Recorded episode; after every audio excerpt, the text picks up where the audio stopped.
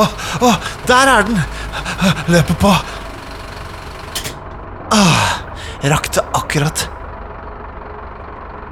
Hei og velkommen allihopa til Roland Tours.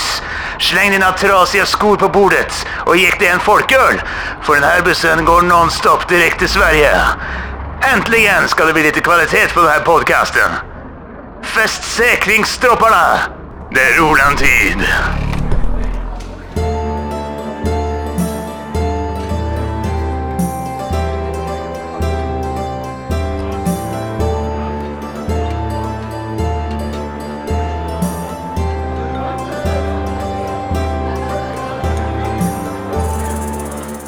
Hei og velkommen til Vertshuset. Mitt navn er Mikael Stensen Solhjell, og jeg har med meg Nikolai Krogsrud Strøm. Og nå har vi havna i Sverige, Nikolai. Ja, fy søren. Litt av en busstur. Ikke den lengste bussturen i verden, men, eh, men likevel. Det var mye Cornelius Vresvik på anlegget. ja. Og eh, nå er vi på Vi er ikke på vertshuset, vi er på Verdshuset. Ja, Ligner veldig på vertshuset. Det er samme stil, bare at det er mange svenske flagg, og så er det den smørgåstårta som står rett rett innenfor døra der, ser jeg. Ja, og det er jo litt billigere med ølen, og, eh, men det er jo bare svensker her, nesten. da. Det er, det er fullt av svensker.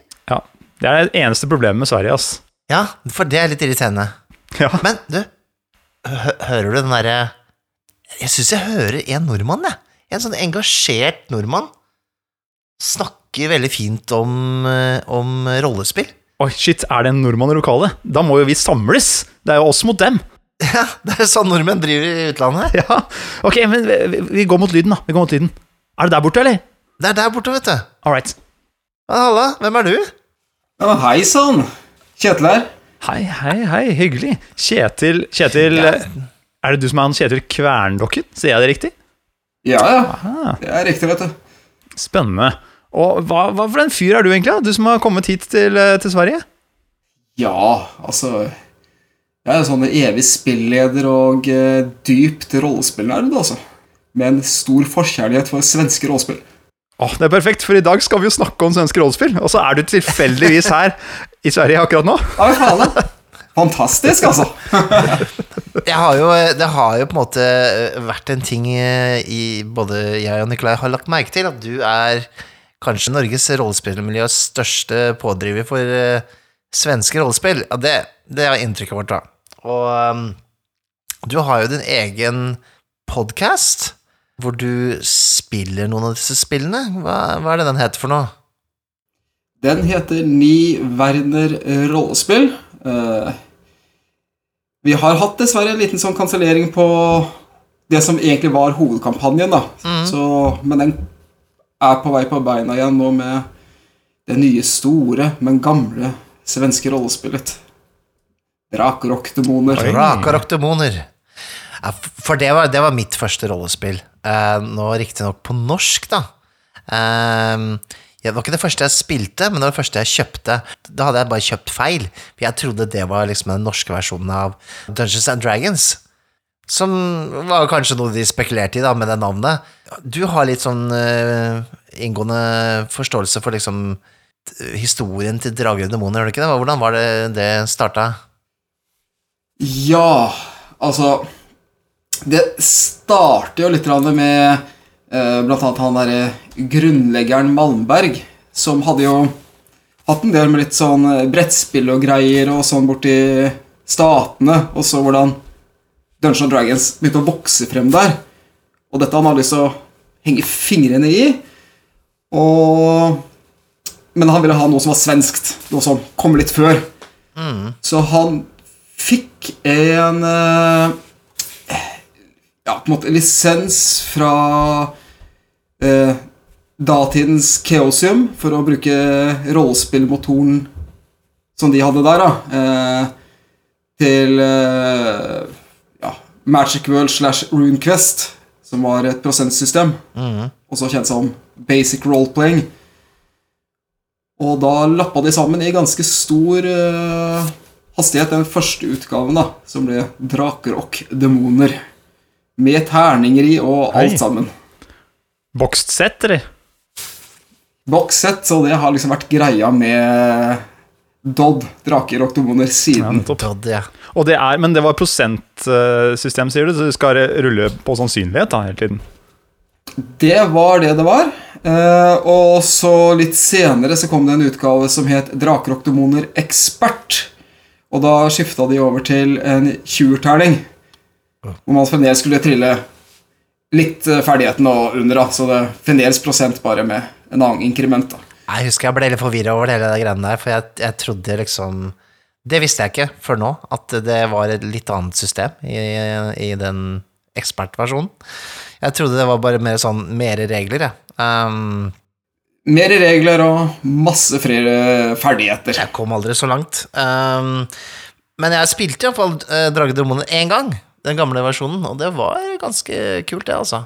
Um, men det er jo det er akkurat det samme systemet så å si, som du finner i Call i dag, da, bare Ja, det var litt Hva skal jeg si, mer clunky med tanke på at uh, det var uh, Call Cthulhu fra 80-tallet uh, regelmessig.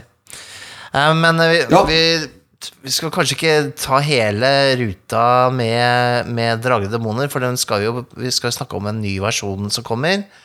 Og, men det er et annet spill som jeg vet er stort fra gamle dager. Det er jo da Mutant. Det er vel også snakk om samme selskap i utgangspunktet, er det ikke det? Eh, ja, det er eh, eventyrspill slash target game som drev med det, da. Eh, og den endte jo opp senere hos uh, Jernringen, som så gikk under, og så fikk Fri av lisensen. Så oppsto Jernringen opp igjen, og så Ja, alt egentlig tilbake hvor det skulle være.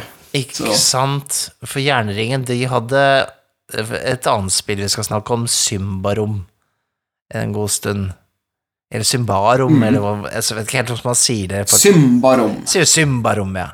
Ok, men det er kult. Nei, for uh, vi har jo endt opp med å spille mye svenske spill. det Ja, men det er jo, det er jo godsaker. Det kommer med mye gode ting i svenskene. Og eh, er det noe sånn Er det noe i drikkevannet som gjør at svenskene bare kan pumpe ut kvalitetsspill etter kvalitetsspill, eller er fordi at eh, Altså, vi har jo noen spill her i Norge også, men det er da ikke i nærheten av hva svenskene klarer å produsere? Igjen så må man ta suksessen på hva eventyrspill gjorde, da. For det de fikk til, var jo at eh, de fikk denne spillboksen sin ut til både leketøysbutikker og eh, bokbutikker og sånn. Altså Minst hver fjerde husstand i Sverige hadde draker og oktomoner i en eller annen utgave på 80-tallet. Right. Og når mange sier jo draker og oktomoner istedenfor rollespill der. Og de tenker jo, mange tenker jo at det og det og det er draker og oktomoner er én og samme ting. Så det ble jo mye mer håper større del av folkesjelen der, og hva det vil si være nerd. Ja, Så sant. Det var jo et tidspunkt hvor draker og oktomoner var det mest solgte rollespillet i verden. Sånn. Når de hadde sin eh, høyglansperiode på slutten av 80-tallet. Riktig, fordi at det solgte såpass bra i Sverige at det gikk for å være såpass mye? Er det det du sier? Mm, så de, ja, de, hadde, de hadde en topp akkurat på en periode der. Men det er kult du sier, for, fordi da, det, da blir det på en måte, som du sier, en del av folkesjela. Og det er jo litt den derre nostalgien som eh, de som har vokst opp med det her, eh, som nå har blitt eh, eldre og begynner å skape selv. ikke sant? Det, er klart at når, når det er kjent for så mange i, i landet, så er det mye lettere å bli større også. Flere som driver med det, og flere som utvikler ting, så Ikke for å skryte, da, men jeg snakka jo med han eh, Johan Egekrans, om eh, illustratøren, om, om eh, Drager og demoner, siden han skal illustrere den nye utgaven. Og det var jo Hele karrieren skylder jo han på en måte på eh, det spillet, da, originalspillet, for det er jo Han har jo egentlig bare lagd masse monstermanualer. Altså sånne monster, ja. monsterbøker som eh, er inspirert ja, av eh, dragdemoner gjennom livet sitt. Så det er jo liksom sånn, det er veldig mange av de som vokste, vokste opp med dette her, som nå på en måte tar opp den eh, arven, da. Så det er jo det som er litt fint med det. Ja, så, så bare for å ta det, Mikael, så Johan Egerkrantz har jo da illustrert den nye utgaven av Drager og demoner, som kommer, den kommer på Kickstarter, hvis den ikke har kommet allerede. Den er vært ferdig, ja. Mm. Ferdig funded, sikkert, hvis den er det. Og så har han da oh, ja. lagd It's done. eh, overnaturlige og underjordiske vesener og drager og masse bøker som handler om disse forskjellige eh, uhyrene, da. I sine egne bøker. Ja. Så, så ja, som du sier, det er, det er absolutt eh, Man ser på en måte kreativiteten hvor det kommer fra. Og at Ja. eh, det er mye rollespill i de greiene der. Men jeg tenker også at uh, svenskene det er, Dette er jo bare en, en slags uh, synsing, men de har jo vært like gode på, på musikk. At de det, det er ikke sånn at de, de har alltid støttet opp om sin egen kultur, da, veldig sånn, både fra staten sin side og, og seg selv. eh, kanskje i større grad enn vi har gjort. Vi har alltid vært, hatt sånn mindreverdighetskomplekser, så vi har liksom ikke stolt på våre egne greier like mye. Jeg vet ikke, er det en observasjon som, som noen av dere deler, eller? Ja, altså Man kan si at det er en veldig stor stolthet på rollespillfronten. Og uh, å si, internasjonal diskusjon man ser på visse rollespill, er like iherdige innenfor de svenske forumene med svenske rollespill. Så de bevarer veldig hvordan ting var før, på hvordan de har lyst til å ha det nå. I også sånn grad. For det slår meg akkurat det der med det du sa om at uh, Dragdemoner var det mest populære rollespillet i verden på et tidspunkt. Det er jo en Høres ut som en sånn der eh, rewritten history, nesten, fra amerikaners side. Det, der burde det jo kanskje vært kjent for folk. Eh, men de har kanskje ikke brydd seg om Sverige, da. Nei, altså Sverige tror jeg egentlig har sklidd helt fint forbi frem til Frieligaen eh, begynte å gjøre sine ting, altså. Ja, ja, ja. Og nå er det jo annethvert spill svensk der ute, så det Til og med Vampire er svensk. Ja, det, Vampire er svensk nå. Ja, det er det. Nei, men det er, det er veldig fascinerende å se, og det er jo veldig gøy at vi kan liksom eh, støtte brorsan. Spesielt, de har ikke oljen, men de har rollespill, så er jo, det er jo hyggelig, da. Um, Vi skal lage et oljerollespill, Mikael, som kan eh, være det store norske. Ja, altså er jo, det er jo også litt sånn spørsmål her jeg tenkte på. Er det noe spesifikt annerledes med svensk spilldesign kontra amerikansk, britisk, altså de vi er vant med? Er det noe du kan Er det sånn som Nordic Noir, at du kan liksom kjenne det på ting? Er det, er det noen mantraer ute og går? Er det noe som gjør at um, at svenske rollespill føles svenske, for eksempel? Har du noen tanker der, eh, Kjetil? Ja, eh, det vil jeg faktisk si. Eh, hovedsakelig på hvordan de bygger opp litt sånn av verdenene sine, settingene, eh, mer enn eh, rollespillmotorene. Eh, hvis man blant annet ser på hva de gjorde med Mutant og eh, Undergangens arvtakere, den mutantversjonen som var før Ornall, mm. eh, de brakte veldig inn eh, Sverige i verdenen. At det var veldig viktig å få det frem, at den- den kulturelle biten av hva Sverige er, kom frem. Eh, de har jo brukt veldig mye sånn eh, svensk måte på å beskrive ting på i spillene sine, egentlig hvis man ser på de som ikke er oversatt. Hva, hva mener du? Ja, hvis, hvis man leser med 'tant or år 0 på svensk, Ja. og så leser man den engelsk oversatte, så får man på en måte følelse av at det, eh, litt av sjelen er vekk på den engelske. Mye av eh, sjarongen, eh, måten de skriver ting på, blir litt borte. Det føles litt sånn kjedeligere. Du blir ikke drevet helt inn i verden på samme måte. Mener jeg har den fattigmannsversjonen, altså? Det var Lost in Translation. Alle i Norge som kjøper engelske oversettelsene fra Friligaen, har fattigmannsversjon, syns jeg. Det, er, det, er, det er en brannfakkel, må jeg si. Den er ti- tidenes uh, påstand. Ok, men jeg skjønner. Ehm, ja, det har ikke jeg lagt merke til. Da. Jeg, jeg leser jo egentlig aldri på svensk, for jeg syns det er vanskeligere for meg enn å lese på engelsk. Så det er jo egentlig bare det det går på. Men det er, jo, er det ikke alltid litt sånn at det er, sånn der, det er noe sjel som blir borte når du tar det over i det engelske språket, der hvor alle de måte, rollespillordene har blitt brukt så mye allerede? Men jeg har lagt merke til en ting, og det er den der, det virker som de er veldig glad i å bygge base. i mange av disse spillene. Det er litt sånn, der, litt sånn Starcraft, uh, Warcraft-bygg. Når du har gjort oppdraget, så må du tilbake til basen din. Og da kan du kjøpe noen nye greier til taket, og du kan snekre litt, og du kan få tak i noen nye ledere og Er det ikke litt sånn? Ja, altså, det er jo veldig Fri Ligaen sine eh, eh, På en måte nesten hexcrawled-spill, da. Ornall, Sverdesong der, der er det et stort fokus da, på overlevelsen. Utforske områdene i verden, skape eventyrene mens det skjer. Og komme tilbake hjem og bygge historien rundt sitt eget hjem. da. Gjøre, gjøre hjemmet til en del av rollespillgruppen. Mm. Det er jo noe av det som er ja, veldig typisk for Frie Ligaen, eller Free League, og eh, Men det er også en veldig sånn OSR, altså old school-ting også, føler jeg. Med strongholds fra DOD og, og den slags, du ja, men det, Litt seinere opp i level, da, så fikk du jo strongholds, og man begynte med mer sånn politisk spill, da. Eh, men det kom vel det var, jeg husker jeg ble veldig fascinert av Mutant Year Zero når jeg, jeg så den der at man kunne liksom uh, starte spillet med å ha et slags sånn uh, råd om hvor man skulle hva man skulle fokusere på og sånne ting, og det har jeg aldri sett før. Eller, det føltes nytt for meg, da. Og, men det er ikke en ting som er sånn Det er ikke, det er ikke i alle svenske spill, altså. Det er bare Frilig som uh, holder, hold på med det. Ja, jeg tror det når jeg ser det. holdt Jeg på å si Jeg må ha flere å sammenligne med. jeg hadde det i Vesen nå, vet du. Der er det òg sånn eh, Ja, ja, men det er Free det òg. Ja. ja. Jeg kan ikke si i samlingen min at det er så veldig mye annet hvor eh, de har dedikert system rundt det.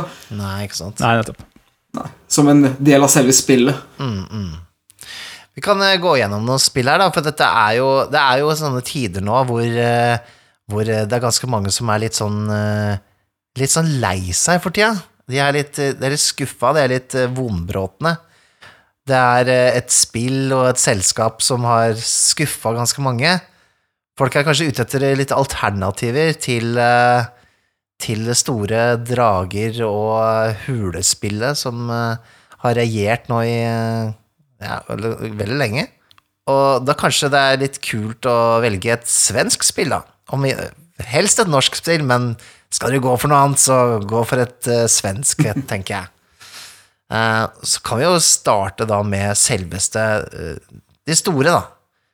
Frie ligaen, Free League, starta jo med Mutant Year Zero.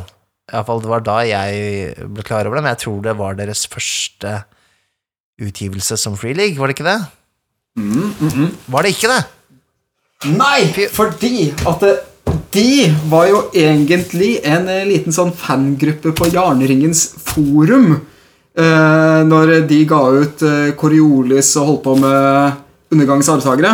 Å, faen. Og når, eh, og når de falt sammen Så skulle de Ja, vi, vi betaler for lisens til oss å gi ut Coriolis. Men så hadde Jarningen egentlig et samarbeid med Erik Granstrøm om å gi ut uh, Svavelvinter. Det hørte jeg om, ja. Å, veldig kult uh, svensk ord. Yes, og det var det Frie Ligaens første utgivelse. De ferdigstilte den boka, som er et, egentlig basert på at det regna som det beste eventyret i demoner. Back in the days. Ah, ja. Eh, og så venta alle sammen på Coriolis, som de skulle fortsette med. Og så Nei, vi fortsetter med en liten hack vi holdt på med til Mutant. Og gjorde om til Mutant År Null. eh, som Var det slutten av 2013 eller helt i begynnelsen av 2014 den kom ut? Jeg skrev en anmeldelse i 2015, i hvert fall, av det spillet. Ja, for jeg backa det på Var det Indiegogo? Ikke sant? Ja, for, det, for de har eh, Svenskene har virkelig, og Freeleague har virkelig tatt seg bruk av Kickstarter og de andre eh, Det er vel mye av det som er kanskje grunnen også til at de har blitt store også, eller? Ja, altså da, de har kjørt fantastiske sånne crowdfunding-plattformer. Måten de legger de opp, innholdet, og at de leverer ganske spot on. Altså Frem til pandemien og all den driten som kom der, så er det veldig få som har vært så gode på tidsklemma. Mm, mm, ikke sant? Ja, for det er, det er alltid litt dumt hvis du ikke får til eh, Får til å eh, hva skal jeg si, kjøre kickstarteren din effektivt, så, så får man dårlig smak i munnen. Uh, Men uh, bare vent, da. Svavelvinter. Det er da en settingbok til, til uh, Draker og demoner? Er det sånn? Ja, eh, det er egentlig en kampanje, men eh, Svavelfinter rollespillet er enkeltstående. Eh, narrativt light system, hvor du spiller helter, men også den store skyggemakten i bakgrunnen. Hver spiller er også en skyggemakt til en annen spillers rolle. Oh. Enten leiemorderlauget, en konge, en drage, et eller annet. Alt dette bygger opp på en slags poengsystem hvor alt skal utløses episk, eller man faller sammen. Det er dritkult. det hørtes veldig kult ut. Nå skal ikke dette bli en For vi snakka litt om at dette ikke skulle bli en sånn litt sånn eh, episode som, eh, som ble litt sånn seksuell. Men eh, jeg, jeg ble tent nå. Ja, det, Det høres så jævlig fett ut! Nå har du svavelvinter borte hos Ja. Mikael, for å si det sånn. og det er ikke å få tak i mer uh, utenom uh, f.eks. tradera.se eller sånt på Sverige. Bokis. Ah. Som bruktbøker. Nei, det var jo en Men, uh, crying shame, da. Det høres utrolig eh, kult ut. I got it all, inkludert de få supplementene som laga. Wow. Det. Ja, kult. Jeg ser jo Du sitter jo på en sånn trone av svenske rollespill her. Når, du, når vi kom inn i lokalet, var det umulig å ikke se det. og så nevnte du Mutant Ornol, or eller Year Zero. Og det er da en Ja. eh, Det er post-apokalypse. Mhm. Eh, og det er liksom er på en måte Typ vår, verden, men en apokalyptisk verden. Du kan eh, bruke din egen by som utgangspunkt, eller en kjent by. Og så bor man i en type ark, er det ikke det de kaller det? Som er liksom et hovedkvarter. Der kommer basen, vet du, som jeg har fått med meg. Eh, En gammelt, gammelt skip som ligger på skakke, eller en gammelt stadion som har blitt bygd om, eller noe sånt. Og så er det også noe radioaktiv stråling ute og går, er det ikke det? Som gjør at folk har begynt å bli Rot mutanter. heter det på engelsk, i hvert fall. Råtan. Røtan. Råtan! Røtan, ja. Er det det det heter? Ja, Mye kulere på svensk. De, de beskriver ikke nøyaktig hva det er, men uh, vi alle tenker radioaktivitet. Ja, ja. Og, og, og, og dette her eh, spillet, det fødte jo uh, dette systemet Year Zero Engine. Hvordan er det det funker? Ja, det er jo et altså, dice pool-system. Man teller en haug med sekserterninger, hvor det eneste som gjelder, er å få en sekser på terningen, og flest mulig av dem. Eh, og man har jo delt inn terningene etter grunnegenskaper, ferdigheter og eh, utstyrsbonus. Ikke sant? Og hvis man ikke er fornøyd, skal man jo presse dette slaget her og få flere suksesser, men også skade seg selv hvis man får enere på presset. Men det er også det som gir deg sånne åsomme kule mutasjonspoeng for å gjøre dritkule ting. da. Og mm. Og sånn jeg, sånn jeg skjønte, så er Year Zero Engine da eh, på en måte eh, alle spillene har en variant av dette her. Du har gjerne at du kan pushe-rulle. Du har disse sexy terningene hvor sekseren ja, Det er noen som ikke bruker bare sexy terninger, jeg har skjønt, men eh, basically mye av de samme systemene rundt om, da. Eh, Og jeg vil kanskje hevde at de har den der basebygginga Jeg vet at ikke det er en del av Year Zero Engine, men det er veldig mange av spillene som har en eller annen form for struktur i, i spillet som gjør at det er veldig Du vet nå at du spiller Year Zero, altså du spiller Mutant Year Zero, du vet nå at du spiller Tales of from, from the Loop, på en måte. At det har en sånn Det er litt struktur i selve systemet for å uh, det, er ikke, det er ikke et universelt system, da. Det er det jeg mener. Nei, eh, og det må jeg si Det er ikke så mange som har laga et generisk eh, rollespillsystem hvor de har greid å hacke systemet sitt til å virkelig være tilpassa settingene de lager. Altså, alt fra basebyggingen i Mutant og røten som plager alt der, til eh, stresset i Alien-rollespillet med oksygenmangel og panikkskyte vennene dine og alt det som skjer. Så det, tror, det, er, det er fantastisk. Jeg tror kanskje det er en av mine Altså fra fjorårets uh, største sp- rollespillopplevelser var Alien Oneshot. Det Jeg syns det var så festlig. Men that's ahead of us, holdt jeg på å si. Um, Mutant Year Zero Snakka nok om det. Man spiller mutanter. Det er en Å, det er også en liten ting i i Mutant Year Zero jeg vil nevne, som er kult. Det er en kampanje i boka som du kan spille ut. Er det vanlig òg, eller? Er det vanlig for uh, svenske rollespill å ha en sånn uh, plot point-kampanje du kan følge? Eh, svenskene elsker kampanjene sine. De elsker storslåtte kampanjer. Eh, hvis man ser på alt det de produserer. Eh, I Butan så er jo den kampanjen litt mer sånn lagt bakover, og den er litt mer åpen. Det er ikke sånn at eh, du følger den så veldig nært. Du mer, etter hvert som du utforsker, så faller du inn i kampanjen, og ting skjer. Og så kan du velge å følge disse trådene, eller gi blanke faen i det. Så det, det, den kommer frem helt naturlig. Du trenger ikke å preppe en skit. Det er eh, det som er så gøy. Det, det bygger seg opp. Rollespill på late gamer, og det, det er perfekt for meg, i hvert fall, kjenner jeg. Kanskje det er lagd for oss nordmenn? Ja, Satt, de tenkte på oss. De er så late der borte. Ja. ok, det er et spill jeg ikke kan nok om, og det er Coriolis. Uh, fordi det eneste jeg liksom vet om det, er at det er uh, et uh, science fiction-rollespill som er inspirert, eller smaker litt av uh, 1001 natt. Men jeg skjønner ikke hvordan. Veldig flott cover. altså, Er det, jeg- jeg ikke- er det Marokko i verdensrommet? Ikke langt unna. Det er Syden, liksom. Du drar- Det er Syden i Det verdensrommet. er Syden. Forklar litt. eh, Hvorfor er det 1001 natt-inspirert?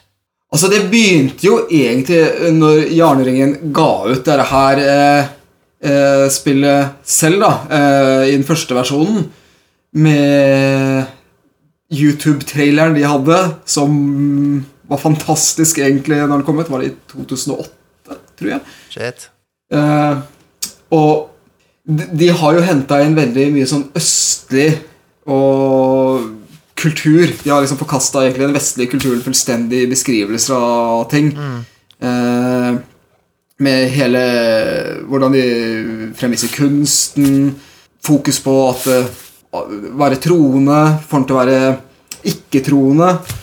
Å si at det er sånn si, 1001 natt arabiske historier i verdensrommet, er ikke helt riktig, det heller. Det, settingen er utrolig unik. Det er først og fremst kunstverket som trekker det her frem, egentlig. Okay. Men de har jo noen myter som de har frem, sånn som eh, gins, eh, tanker med litt sånn åndekrafter som er ute og går, og den slags. Så de, de har noe smått der. Mm. Men det er, det er- en flavor, men det er ikke nødvendigvis liksom Ja. alt det er, på en måte. Er det det du sier? Ja. Det, det, det er det det egentlig. Det er en flavor, men det er forkastning av tradisjonell vestlig sci-fi. Det er kult. Det er kult. Uh, det er sånn spill som jeg har sikla på, men jeg har på en måte Det er som med alle science fiction-spill, at de, de gjør seg best å lese, på en måte. Det sånn for å skjønne hva Hva, hva er fascinasjonen? da? Det er ikke så lett å selge det inn, på en måte, akkurat Coriolis, føler jeg. Sier at du krever en dyktig spilleder som har lyst til å sette seg i settingen. Altså, det er masse å hente inn. Eh, Det er ikke et spill som er helt sånn pick up and play, sånn som Tant. Du, du må være dedikert. Ja, ikke sant. Ja, så en dedikert gruppe, en gjeng som er keen på å la seg føre inn i den verden, da, da er det good. Da er det jævla good. Um, vi har eh, Skal vi se Kanskje litt rart å ta den først, men jeg tenkte på vel den første andre store suksessen til Frieligaen. Vil jeg jo kanskje si er Tales from the Loop. Og den har jo en, eh, en litt spesiell Den kommer på et heldig tidspunkt, da, med tanke på at eh, det var i um, Stranger Things um, den første, tror jeg. Ja. Og uh, Det, det gjorde den, men den, uh, den var egentlig før Stranger Things egentlig eksisterte. ja, det var jo bare heldig med timing, tror jeg, kan vi jo kanskje si. Ja, for det, det er jo uh, kunsten til Simon Stålenhag mm. som har inspirert hele sulamitten. Og det holdt, han laga jo kunstbøkene sine før hele tida at de begynte med å lage manus og eh, tanker til Stranger Things som kom på Netflix. Og kunsten hans er jo Det er litt sånn um, Typ uh, me mekaniske vesener og sånt noe som dukker opp i vanlig sånn nordisk landskap, er det ikke det? Altså litt sånn derre popkulturelle figurer som uh, er satt sammen med ruiner av en svunnen tid. Jeg, ikke, jeg klarer ikke helt å forklare det her, merker jeg, hvordan den kunsten ser ut. veldig, vel sånn 80-talls hverdagsrealisme, men med roboter. Så, så, som uh, Stålhag selv sa, var jo at uh, dette her var uh, hans barndom som han på en måte fantaserte det. Ja, nettopp. Ja, det er, det er helt riktig. Eh, Som barn fra 80-tallet. og, og det er jo Det er egentlig tre varianter av kunstbøker som har kommet til, da, men eh, bare to i rollespill. Og det er jo eh, Ur-varselklote, Tales from the Loop, som den engelske tittelen er, hvor man spiller av de uskyldige barn og eh, mysterier. Eh, og så kom han til Jeg husker ikke hva den engelske heter, da, men eh, Flodskjørten, som eh, bringer da 90-tallet frem, og tenåringslivet. Er det Tales from the Hvor Rift? ting blir From the Flood, heter Ja. det. Flood, flood, ja. From the flood, ja. Og da blir ting mer alvorlig. Da, kan, da begynner det å bli faktisk dødelige i spillet også. Ja, Tales som Loop skal sies å ha blitt en suksess, da. Det har jo ut, både, Altså, rollespillet ble en suksess, og kanskje litt på grunn av rollespillet også, så ble Stålenhag også mer populær. Men det har jo også blitt en Amazon TV-serie, og et brettspill har jeg skjønt også, så det er jo Det er det er stor, stort opplegg rundt det, da. Eh, Og så har vi jo Loopen i Tusenfryd, da.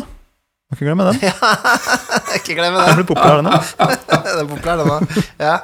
Nei, det, jeg hadde gleden av å teste ut det for ikke så veldig lenge siden på rollespillsalongen på Outland. Det var um, meget, uh, meget gøy, altså. En, en veldig enkel versjon av dette Year Zero-systemet. Eh, Ja, Det er på en måte en av de tre variantene de har. Mm, mm. Ja, det, det vet ikke jeg. Jeg har ikke spilt alle, eh, men, eh, men eh, det var en veldig komfortabel versjon, da, kan man si. Som hvis man skal starte med noe og ikke er så regel... Hvis man er ikke så regeldyktig, da, eller man føler man syns regler er litt vanskelig å lære seg, så er iallfall Tales from Loop såre enkelt. Det er det definitivt.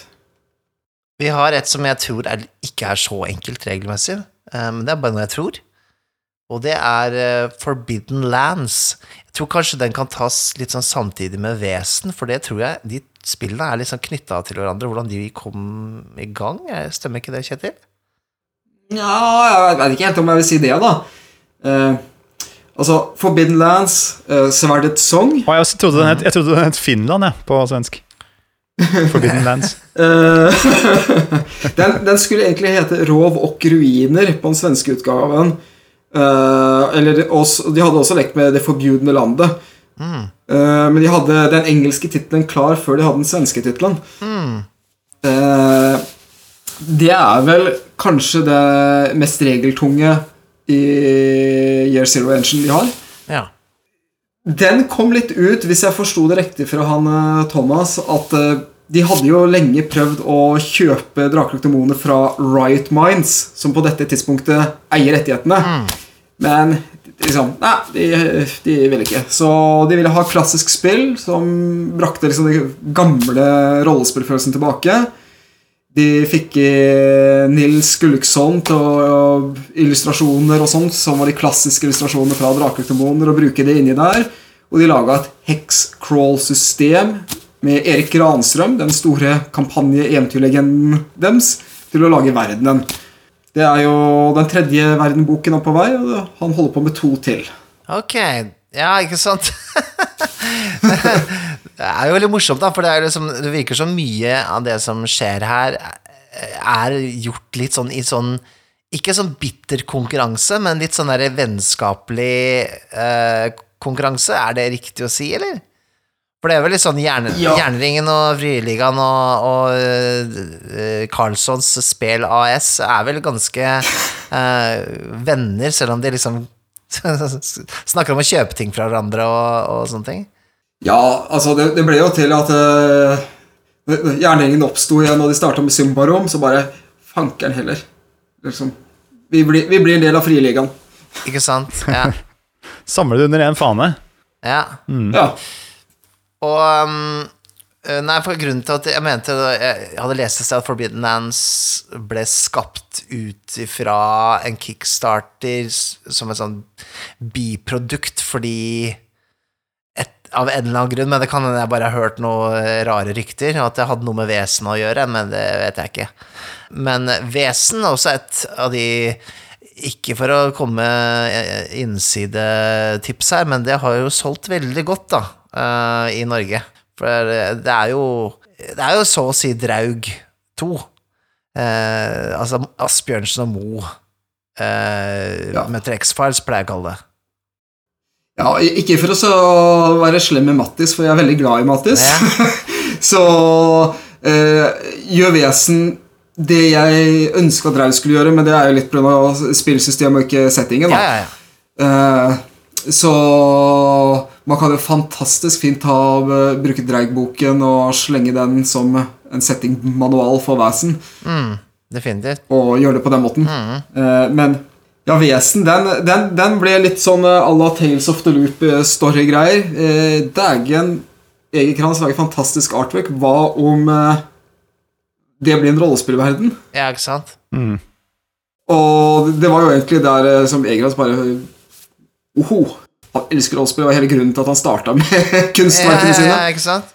Da ble den født. Nordiska vesen. Eller bare Vesen, som den internasjonale boken het. Ja, det er, jo, det er jo på en måte noe som har bare sittet der og venta på at noen skal ta tak i det. på en måte. Det er jo ehm, Draug var jo vår Det er jo morsomt, for Matheis Holter er jo i boka som en, eh, som en eh, I en historie der, så er det jo Matheis solgte fra Stavanger.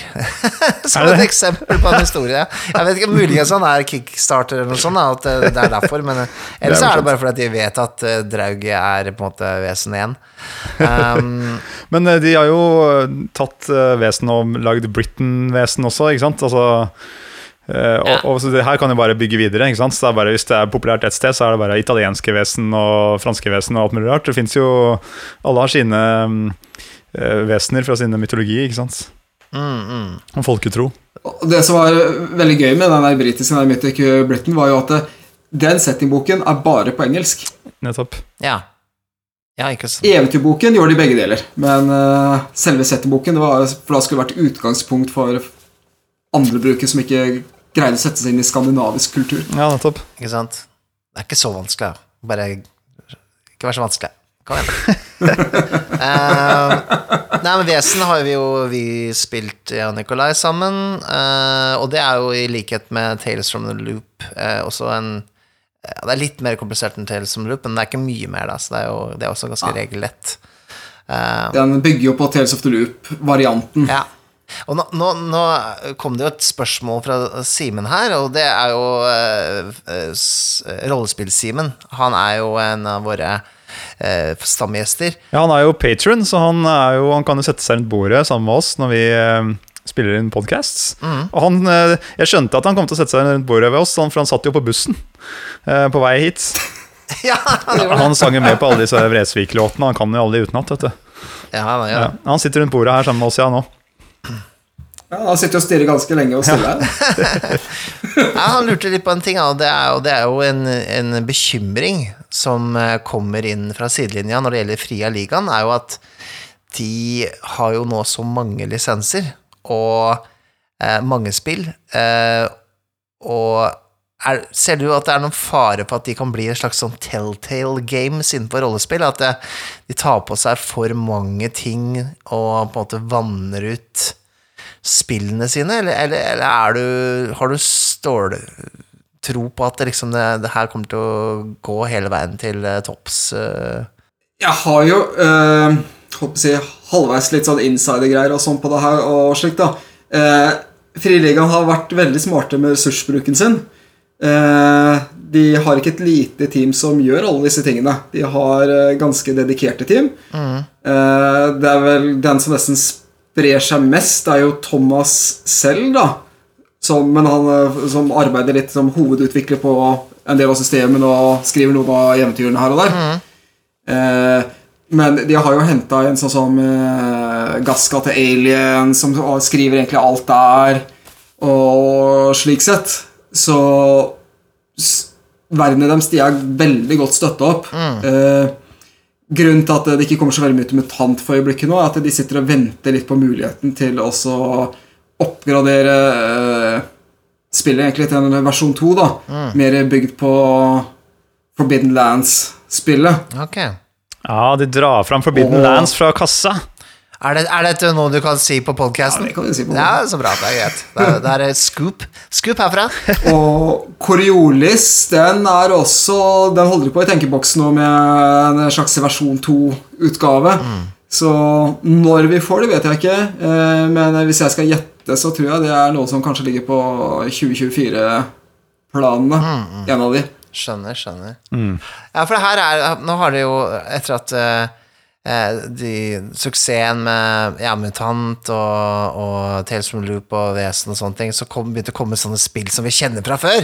Sånn som eh, Twilight 2000 og Alien RPG og nå, nå nylig Blade Runner. Det er bare, hva er det som skjer? Ikke sant? Um, vi kan begynne egentlig med ja, vi kan jo ta Twilight 2000. Da. Det var et sånt spill jeg husker fra Avalons katalog. Sånn, eh, man kunne plukke med seg. Hva er det for Det noe? sånn, det er, er det noe militærgreier, det? Ja, det er militærgreier. Det var veldig dårlig timing da når det kom ut, forresten. Ja. Fortell. Altså eh, Twilight 2000 eh, Det er jo de amerikanske veteransoldatenes kåte drøm av rollespill, egentlig. Eh, hvor de kan simulere krigføring. I veldig sånn kort, litt generaliserende trekk.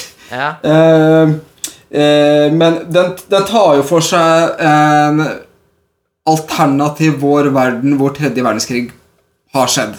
Bomber har gått av, Nato har, og Russland har krasja sammen. Eh, Europa er ikke så veldig kult sted for tiden. Så de har ikke alltid hatt lyst til å si det tidligere at det var sånn postapokalyptisk spill, men det er jo et form for postapokalyptisk spill i de landene tragedien eksempel skjer i, hvor med Krakow og Polen i det ene fokuset, og i Sverige også i nyutgaven. da. Eh, så det er et veldig sånn rett i hjertet realistisk spill på å overleve i en krigssone og et uh, land hvor alt har bare falt sammen. Altså basically det som skjer i vår verden akkurat nå, og også en av grunnene til hvorfor det har vært veldig sakte med å snakke om uh, spillet og utgivelsene som sto egentlig på rad og rekke, som kommer ut nå, men Ja. Ja, for, til, for litt bakgrunnsinformasjon til lytterne, så var det jo da en kickstart-kampanje dette her, og spillet kommer så å si akkurat ut samtidig som Ukraina-krigen på en måte blussa opp her. Så det, det var jo det, eh, eh, liksom, To ord eh, melder seg. Too real, rett og slett. Eh, Nå kan dere også spille sånn, eh, det som skjer. Ikke sant? Det er ikke, ja, det er ikke bra. Altså, Free Simulator var jo dårlig å lansere på eh, 11. september, liksom. mener. Så det er, det er litt samme greia, da. Så, ja. Så den andre utgivelsen til spillet Den utsatte i et helt år av det. ja. Det er, Så den kommer først om eh, mai, tror jeg. ja, men det kommer. Det er ikke sånn at det er kansellert. Det er jo i hvert fall Ja, den, Og den var jo også veldig too real, siden det var som uh, Urban Warfare, som det supplementet heter. Å, hjelpes. Yes. Og, og eh, neste rett bak, den tror jeg var det Hostile Waters. Alt som foregår til sjøs. ok, ja.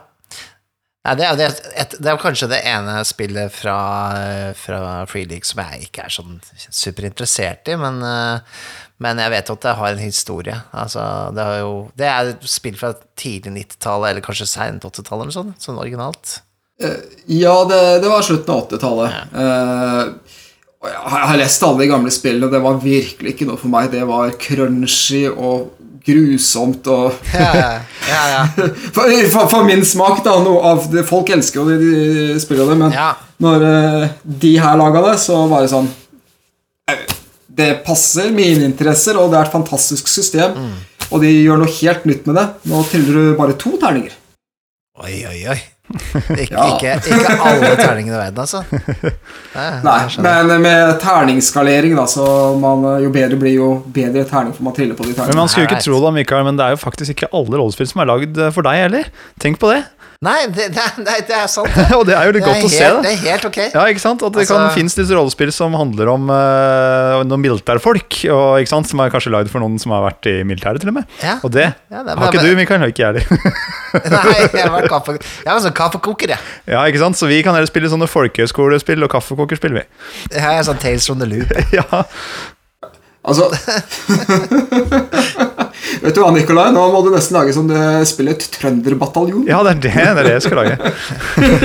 Jeg kan lage spill om råning, ja. det, er, det er mer for meg. Hvor Simen her erter meg fra sida her og kaller, kaller det for saftblanderspill. Eh, det er det jeg spiller. Um, nei, vi må jo Altså, Frieligaen har jo så mange spill her, så vi må bare kjappe oss litt gjennom her. Um, Alien RPG var jo den første litt sånn what the hell-lisensen til, um, til Fria ligaen. Alien, eh, altså filmene, eh, snakker vi jo om uh, uh, Hva fader er han heter igjen, da? Hva heter han som lager laga Alien? Ridley Scott! Ridley Scott, ja! Og James Cameron også, kan vi også nevne. For det er jo eh, Alien 1, 2, 3 og 4 som er aktuelle her, eller? Nei. For alt det her skjer eh, egentlig i eh, se, to eller tre år etter Alien 3. Aha, så vi dropper Alien Så 4? eh, Resurrection har ikke skjedd ennå. Ikke i settingen, da, for de holder seg helt til hele Colonial Marine Corps-greiene og alt det der. Skal, skal Eh. sies at jeg, jeg skulle ønske Alien 4 ikke skjedde sånn in hindsight, egentlig. Den filmen er ganske ræl. Jeg er ikke riktig å snakke om det her, for jeg elsker franchiset så ekstremt mye. Så eh, jeg er liksom biased på hele Ja, greia. jeg skjønner, skjønner, skjønner. Men igjen Ja. så har du et spill som er litt sånn derre Altså, hvis du tenker på Vesen um, og Draker og demoner, nyårsånden, da, fra med Egerkrans sin kunst, og Tales from the Loop med han var det Simen Simon sin kunst. Stålen har Ja. Og så har du jo Alien, da, altså franchisen, som jo har eh, kunst så innmari bakt inn i hele, hele settingen, hele looken, ikke sant, med HR Giger sin kunst. Så det er tydelig at det, liksom, det visuelle er jo noe som preger mange av de spillene her, da, veldig. Og driver, driver det. Og til Alien så er det jo uh, han Martin Grip som uh, arbeider med Symbarom. Mm. Og han er jo også den som har tatt seg av Blade Runner, som eh, mange har eh, fått i postkassen sin for ikke så veldig lenge siden. Ja, stemmer. Ja, det, han, hans eh, artwork er jo Hva skal jeg si? Den er gripende, for å si det sånn. Hæ? Eh, nei, det, er, det, er jo, det er jo litt sånn at man, eh, man ser at At uh, Fria Ligaen har en helt egen Jeg så en video eh, sist i dag om uh, hvor den sammenligna 50 Edition-bøkene med Fria Ligaen-bøkene. Hvordan de kan eh, kreve like mye penger for den der lefsa du får i 50 Edition, som er tynt papir og er så standardisert med de samme fontene på sida. Liksom. Hvis du faktisk går og ser på en 50 Edition-bok, så er den ikke så godt satt sammen. Men når du kjøper en Fria Ligaen-bok, så er det som tjukt papir, det lukter bra, det er, artworken er on point. Det er til og med sånn rugla fremside og sånn, så det blir sånn derre Jeg vet ikke, det bare, du bare oser av kvalitet, da. Og så er det sånn derre Why? Når du har alle pengene i verden ja, Det er kanskje derfor de har alle pengene i verden, da. Ja, det er derfor. Hadde de ikke brukt opp alle pengene sine på de der fine forsidene, så hadde Fria Ligaen eh, søren meg vært presidenten av eh, Sverige. Kanskje det er det der. um, vi har også Blade Runner, som nylig har kommet ut. Jeg har sett det har fått mye skryt. Det er litt annerledes regelsystem på det, med litt andre terninger, er det ikke det? Litt Ja, det er samme system som i Twilight, med modifikasjon. Ja, riktig. Her lærer jeg så mye. Ja. Jeg ser huet ditt vokser, Mikael. Ja. Hvorfor står du av headset, da? Ok, så det er, det er, det er derfra, ja. ja. Jeg ser i hvert fall at uh, kritikerne virkelig slår til her, og sier det er dritbra. Veldig fokusert spill. Det er bare Los Angeles i fremtiden, dette her. Eh, I hvert fall sånn som det er lagt opp nå, så er det det. Og det var det som var tanken, at det skulle være veldig fokus på det å være en Blade Runner. eh, og eh, eh, syntetiske folk og den slags. Eh, de har store planer videre, men der har de vært litt sånn tight-lipped. Og det er de med alle de der høyprofilerte lisensspillene sine. da. Man vet bare sånn cirka hva som kommer, men ikke så veldig mye mer enn det. Nei, ok. Skjønner. Fikk aldri helt tak på det Blade Runner-greiene, jeg. Så den, den eh, kjøper ikke jeg. Jeg orker ikke. Det er for mye å sette seg inn i. Må se så mye filmer og Det, det er Altså, hvis Kjetil sine favorittfilmer er Alien, det er jo en av mine favoritter, det òg, men, men Blade Runner, det er, det er min That's my jam. Oh, yeah. All right. Ja, ja. Nei, men da. Men da jeg- jeg- Like tears in the rain. Like Tears in the Rain, ja. Fy fader. Um, vi kan nevne kjapt uh, Symbarom og The Walking Dead Universe uh, før vi går på den uh, siste med drager og demoner og sånn. Um, Symbarom det er et spill jeg har kjøpt meg opp på, fordi der eh, der jobba Martin Grip, ja. Han jobba hardt og lagde fremside og, og artwork inni der som var såpass eh, annerledes og deilig at eh, det her måtte jeg bare kjøpe meg opp på. Høy må, den må jeg ha-faktor. Det er veldig høy uh, må ha-faktor. Jeg har kjøpt alt, alt som fantes. Iallfall på engelsk, da. Så jeg beklager. Jeg har ikke svenske spill uh, på svensk. Det, det blir for dumt. Um, Vil vil dere ha litt inside info om? Ja. er det, får, er lov, får det lov til å si det? Det er ikke akkurat hemmelig, men uh, det, det er sånn det, Alle svensker vet det her. Jeg skjønner. Eh, For verdenen til Symbarom Den er så hardt inspirert av denne draker og demoner, verden som kom etter hvert av seg selv fra alle eventyrene, denne Ereb Altor. Okay. Så Hvis dere ser på kartene og ser på noen av navnene Alberetor, Ereb Altor Ah, det er, Alt der er eh, knytta til akkurat det. Det var også et spill som var laga for å gripe tak i nostalgien til draker og demoner, men mørkere. ikke sant. Okay. Jeg har forklart Symbar om litt som ikke grimdark, men litt sånn gloomy fantasy. Er det en, en grei måte å forklare det på?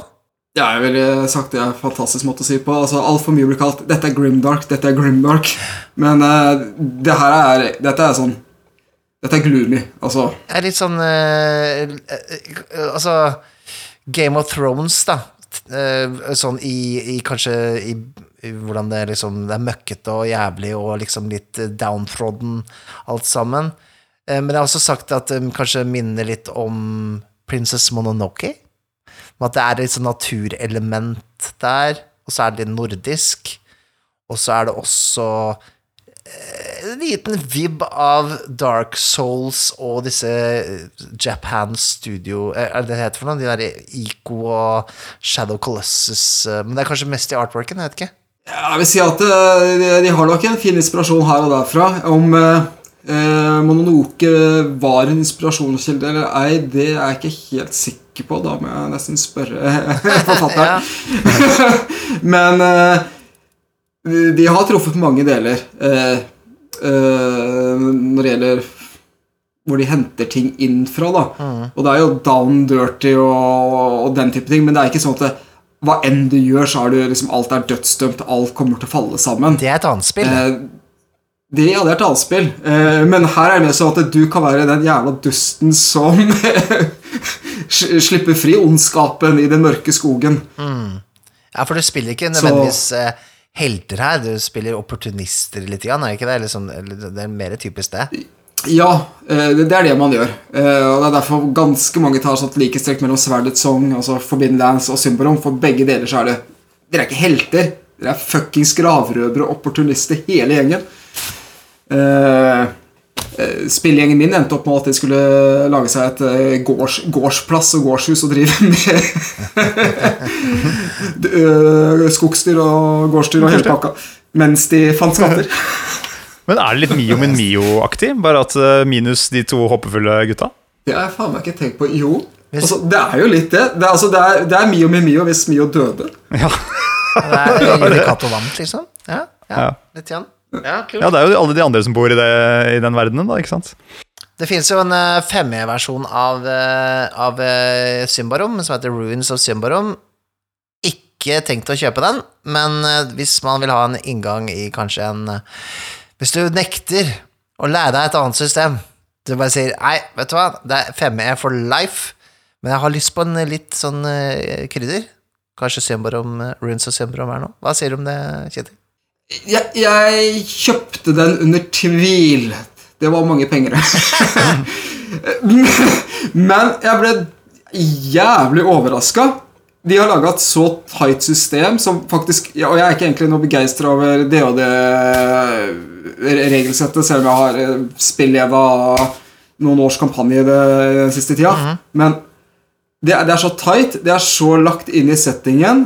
De, de, de fjerner Du kan spille episk med det hvis du absolutt vil, men de har lagt inn så mange elementer som holder deg i bakken og gir deg symbaromfølelsen med settet.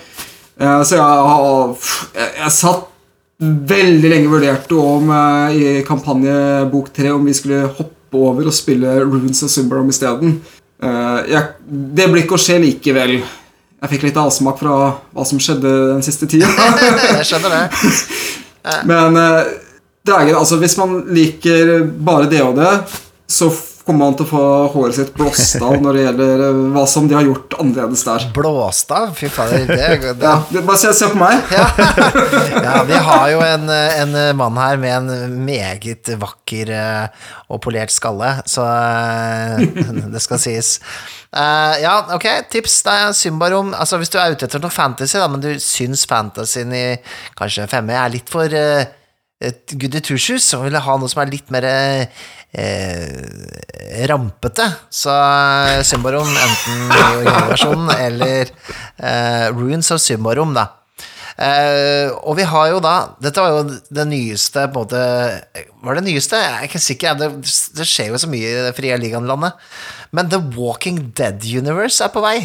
Ja, det er den absolutt nyeste lisensen. Og jeg tror jeg hylte høyt i huset her når jeg leste den nyheten. Er det, er det Eh, Fem minutter senere så hadde jeg laga en Facebook-gruppe. Ja, det så jeg også. At du hadde meldt meg inn.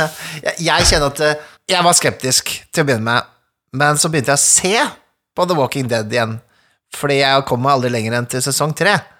Eh, og nå som jeg har kommet til sesong ni, forstår jeg hvorfor eh, Ligaen skal lage rollespill av The Walking Dead. All right, du har, eh, du har prøyd litt, skjønner jeg, Mikael. Ja da. Ja. Det er en episode der, en episode der, og så sitter man og ser på det mens man gjør andre ting og sånn, men jeg forstår jo nå at eh, det er mye rollespillmat. Jeg ser for meg deg på sesong tre, jeg ser for meg deg på sesong tre, Mikael. Bare ja, jeg kan ta en episode til, men hvis jeg ser noen zombier der, da skrur jeg faen meg av. Ja, da, du kan opp igjen, ja. Fytti helvete. Det orker ikke mer. Jeg orker ikke mer. Hva, men hva, hva tenker du, Kjetil? Er det, er, er det ingen tvil om eh, dette her, eller er det, er det rett i banken? det, altså, det, det, det, den solgte meg bare med en gang. Jeg, jeg, jeg, vil si, jeg er ikke egentlig sånn, sånn zombiefan i den type ting. Det er liksom Zombiefilmer, zombiesår det, ikke- det trekker meg ikke i hele tatt. Men uh, Walking Dead-universet Nå har jeg lest både tegneserien og sett TV-serien. Jeg er en av de som liker TV-serien bedre. Eh, men det er jo en TV-serie som handler om det medmenneskelige. Hva som skjer, hvor langt mennesker er villige til å gå, hvor mye de forandrer seg, om de kan komme seg tilbake ut av avgrunnen. Og det er jo litt det de skal fokusere på i spillet, med antagelig med eh, noe basebygging i bakgrunnen også. Ja, ja, det er Selvfølgelig. Og for de som ikke likte Blade Runner og Twilight 2000-versjonen av spillsystemet, så skal de ha Dice Pool-varianten av Year Zero. Ok, kult. Så det jubler jeg for, for jeg syns den er best. Ja, jeg er veldig glad i den selv. Jeg elsker å kaste mot deg terninger. Eh, så de, de har ikke sagt for mye enda Thomas han eh, er litt stille på det. Uh, vi er jo rett rundt hjørnet nå for kickstarteren. ja, ok. uh, Jeg tror den skulle Jeg tror den skal komme i enten midten eller slutten av februar. Hvis alt er on track. Skal vi, skal vi gjøre et veddemål her nå? Skal vi eh, Den som kommer nærmest, da, og så kan vi jo snakke om det på podkasten seinere, eller annonsere det. Hvor mange minutter tror dere det tar før den når målet sitt? Eh, Kjetil Det er tre minutter. Tre minutter? Det er, det er, det er barskt. Jeg gir det kanskje Jeg gir det kvarter, ass. Eh, Med tanke på at eh, nesten alle de siste kickstarten dem, så har de nådd eh, målet sitt på så vidt passert fire minutter. Nei, helvete! Jeg burde visst det. Ja, da har jeg en gyllen sjanse nå. Nå fikk jeg inside information. Da legger jeg meg på fem minutter. Pow! ok, greit. Da kvarter på meg, fem minutter og fire minutter. Yes. Nei, tre minutter, sa du. Tre minutter? Tre. Ja, jeg tror tre minutter. Shit. Altså, det er jo bare Det er jo bare så hvis, det, hvis jeg ikke husker feil, så er det bare e- ett rollespill på Kickstarter som har slått Friligaen i maks mengde kronasjer. Ja, ja. Og det er jo den derre Avatar-rollespillet. Men uh, Frieligaen, altså når, når, når de trykker release på Kickstarter, så er det jo tusenvis av folk som trykker Ta penga mine, jeg trenger ikke mat. På. Avatar-rollespillet var det jo bare James Cameron som kjøpte alt uh, sjøl. Det er ikke den Han trodde det var avataren! sitt eget. Det, det, det, det, er han, det er han tegneserien. Han derre Dette visste du. Ja. Eller? Hva da? Var det ikke Avatar du sa? Jo, jeg... Avatar, den siste lufthemmer. Last Nickelodeon. Avatar, The Last Å ja, den derre der mangagreien? Men det er en slags manga, ja. Ja. ja. Ikke, ikke de der Ikke smurfer in Å, space. unnskyld at ikke jeg visste det, da, Mikael! Men jeg må si at det er sånn eh, sidetrack, den backa, backa jeg, fordi at eh, guttungen han ble så hengt opp i det, så den skal jeg og han spille sånn og kose oss med. Å, så. Så, den, eh, den, den kommer antagelig om et, en uke eller to i posten. Nå har vi snart runda Free League, men vi, vi må jo snakke litt om noen av de andre her også. Uh, og det er da Vi kan nevne det kjapt, men det er jo The One Ring, som er Ringenes herre. Det, her- det er jo ikke Year Zero Engine. Det her var jo da Cubicle 7 tidligere. Og det var jo sånn jeg og Nikolai starta å spille rollespill sammen. Vi begynte jo å spille The One sammen i 2013 Ja, men- eller noe sånt. 2011, Det er jo en perfekt date, da. Ja, det var det. Ringen var sluttet. si det, han- Det er på slutten av kvelden. Han eh, Ja, for å si det sånn. Jeg hadde vondt i ringen. Jeg, etter, Nei, Mikael! Det kan ikke Det verste jeg har hørt. Men språk? Ja, ja, ja. Det er en sånn dag. Vel, keep it secret, keep it safe, liksom. Men uh, The Wondering er jo en suksess. Det er jo uh, Det er jo et fantastisk spill. Litt grann clunky å lære seg, hvis man kommer fra andre lettere fantasirollespill. Ja jeg, jeg, jeg skal ikke være uenig der. Eh, nye versjonen, den ble bedre. Den er lettere å komme inn i. Den, er, eh, den er mye eh, mer gjenskrevet av Francesco Nappetello. Så hvis man ikke greide helt å komme inn i versjon 1, men syns det var sånn Det virker spennende, så er antagelig denne versjonen her den man hopper inn i. Ja, settingen er jo liksom hallo, den, den sier seg jo selv, den er trekker, trekker mange. Og så ja, Jeg har jo sett eh, når man bruker litt sånne stands-matter eller litt sånn derre eh, materiell i tillegg, da, og kart og alt disse tingene, så, så, så får man det jo til. Ja, Det flyter bedre, ja. Ja. Mm. Altså, The One Ring er jo Det er jo en Hva skal jeg si, et varp da for, eh, for uh, Frialigaen, at de har den lisensen nå, for å gi ut det. Da har vi gått gjennom alt, unntatt uh, Drager og demoner, da, som kommer. Eller Dragonbane, som det heter på engelsk. Uh, har, du, f- Åh. har du fått uh, spilt dette her? Ja, det har jeg. Jeg har, eh, jeg har spilt betatest Quickstarten. quickstarten. Jeg holder på å skrive eventyr for tredjepartslisensen, som er ikke ute ennå, med, med, med, det, med det nye. Så, eh, så jeg, jeg er ganske investa i Drakrock Demoner 23-utgaven, som, som den nå har blitt kjent som. Når eh, på året er den er, er liksom slated for release? August. August, ja. Ok. Og i løpet av neste uke så kommer antagelig neste beta-update for de som venter på det. Og det er jo nå det er jo flere annonseringer for dette her, at uh, Arkon i år skal ha Drager og demoner som tema. Eh, og oppi den der eh, store eh, OGL-greia så kom jo da um, uh, Frieligaen med en ganske sånn fin sånn eh, oppdatering til lisensene sine, og spesielt til Drage Demoner, at du kan publisere eventyr til Drage Demoner uten at de tar betalt, da. Så da kommer det til å komme forhåpentligvis ganske mange eventyr til det spillet. Det er veldig mange moduler som allerede er skrevet nå og bare venter på å komme inn. Eh, De hadde jo den tredjepartslisensen lenge før eh, Hule og Dragefjellet fant på Vi har lov til å si det. i Vi har lov til å si Vi har lov til å si det. Choose the Dragons, altså. Det er, vi, det, er, det er greit, det. Selv om det smaker litt vondt akkurat nå, så vi kan si det. Um, og eh, men det, det er jo veldig D&D. D&D. Altså, det er jo Det er jo tidspunkt å komme med fantasirollespill, det er ingen tvil om det. Og tror du at uh, Dragon Demoner, Dragon Bane, kan, eh, kan bli en contender, altså sammen med Pathfinder og eh, hva enn som blir da de andre nye fantasirollespillene der ute? Den vil neppe holdt på å si, komme så høyt opp, men jeg, det, det er mange som fikk blikket dit. Eh, de fikk en del ekstra på den derre late pre-order-delen for spillet etter nyhetene kom. Ja, ikke sant? Ja. Så den har, den har potensialet. Og mange eh, har jo sagt at dette her var jo egentlig litt mer det jeg var ute etter da jeg først begynte med Dungeons Dragons. Mm. For det er, det er min ting med Dragedemoner. Du kan spille and. Og så er det Johan Egerkrans har jo kunsten her, og de er jo, det er jo en Du får jo litt sånn inntrykk at det er litt mer sånn uh, le, uh, whimsical uh, spill, men er det det? Det er jo både og. Altså, man kan tenke liksom, Det er en and, selvsagt så har man den der comedy-faktoren, hvor de har den spesialkunnskapen som heter på svensk vresig, altså bli kraftig irritert. Ja, men det er Og eh, might, might makes right, så lenge ikke det er intelligent-basert, så kan du gjøre det bedre så lenge du blir sinna.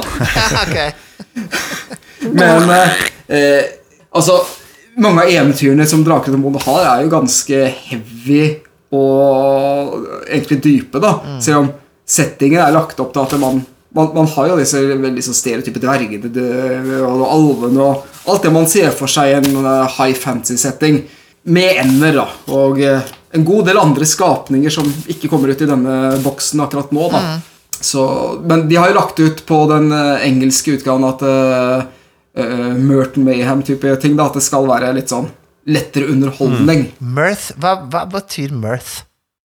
Det er jo altså det, Det er sånn lett Myrra? Er det myrra? Nei, det er sånn du har glede, lett glede. Sånn derre ah, Humrer litt om. Oh, ja. Sånn. Eh, ok. Munterhet. altså, munterhet det, det, det. er, Er det det der?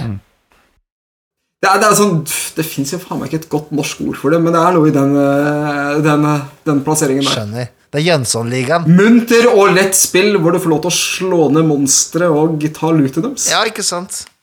Så de, de spiller litt på den Det er jo litt den måten folk har spilt kanskje det og det på, da. Så de tar litt av den Hva skal jeg si eh, Sniker seg inn på den, den uh, greia der, kanskje? På den bølgen. Ja. Ja, det er jo hvis man øh, ser på Det er et veldig raskt spill å komme seg inn i. Altså, Den er med å hjelpe å generere liksom, rollen din, bakgrunngreiene og masse små traits og ting. da Så er du i gang på fem minutter eh, maks. Det er liksom ingen utregning du trenger å bry deg om. Eh, og starteventyrverdenene de har, da, som er sånn litt mindre område eh, Jeg tror de beregna at han var på størrelse med Vestre Jøtaland i størrelse. ja, ikke sant. Eh, den har jo en haug med sånne eventyrplasser og en eh, minikampanje man kan vandre omkring i. eh, som kan lenkes sammen som du vil, eller bare ta de enkeltstående. Du er nå i denne hulen her. Hva gjør dere? Ikke sant. Det, jeg bare ser nå at vi er, klokka er 21.51. Vi har snakka jævlig lenge bare om Free League. Så kanskje vi Hvis du har tid, da, så kan vi jo ta Kan vi prate videre, men da tror jeg dette blir en to episoders svenskespill part one, svenskespill part to, Nikolai. Kan fort hende det.